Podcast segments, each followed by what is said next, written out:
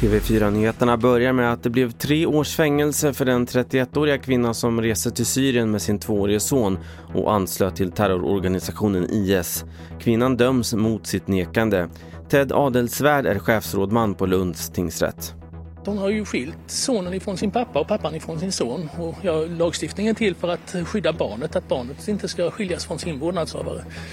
Och eh, hon har ju invänt då att hon eh, inte kände till hur det var i IS territorium i Syrien och att hon, hon trodde att hon skulle kunna bara åka in och titta och sen åka hem igen. Vi har ansett att hon inte är trovärdig på den punkten.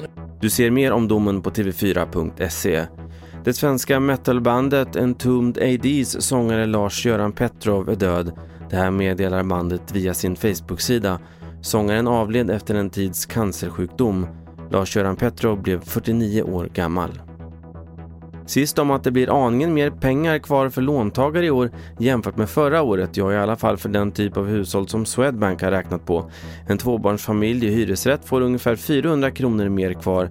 Även ensamstående föräldrar och arbetslösa får pengar över. Det här beror på högre löner och a-kassa samt på skattesänkningar. Där fick du senaste nytt från TV4 Nyheterna. Jag heter Carl-Oskar Alsen.